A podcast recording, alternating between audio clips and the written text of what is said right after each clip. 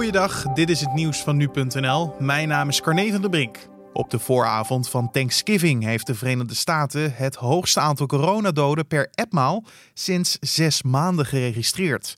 Volgens de gegevens van de Johns Hopkins University overleden er in het laatste etmaal meer dan 2400 personen aan de gevolgen van COVID-19.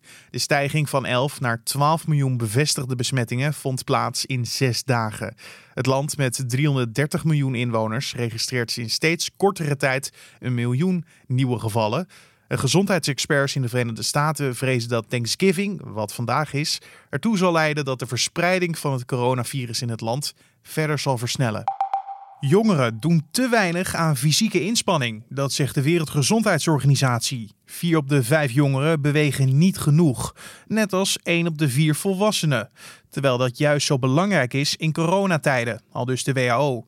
Voor kinderen en jongvolwassenen adviseert de WHO om minstens een uur per dag te bewegen en de tijd te beperken die ze voor een beeldscherm doorbrengen. Volwassenen moeten minstens 150 minuten per week aan fysieke inspanning doen.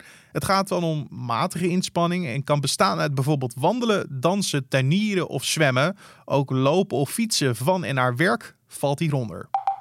De eerste golf van coronabesmettingen in ons land heeft in de zuidelijke provincies beduidend meer levens geëist dan in de rest van het land. Dat het zuiden het zwaarst werd getroffen was op zich wel bekend, maar zuidelijk Nederland telde relatief gezien ruim acht keer zoveel coronaslachtoffers dan Noord-Nederland.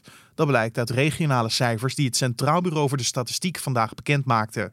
Het CBS maakte eerder al bekend dat van begin maart tot eind juni in totaal meer dan 10.000 Nederlanders zijn overleden aan het virus.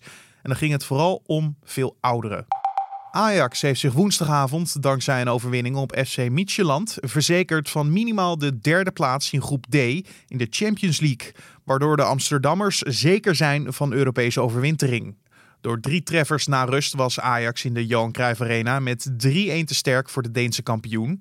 De andere wedstrijd in dezelfde groep werd door Atalanta verrassend met 0-2 gewonnen bij Liverpool, waardoor het met nog twee speelronden te gaan zeer spannend wordt. Volgende week dinsdag speelt Ajax uit tegen Liverpool en een week later is de thuiswedstrijd van de Amsterdammers tegen Atalanta. En tot zover de nieuwsupdate van nu.nl.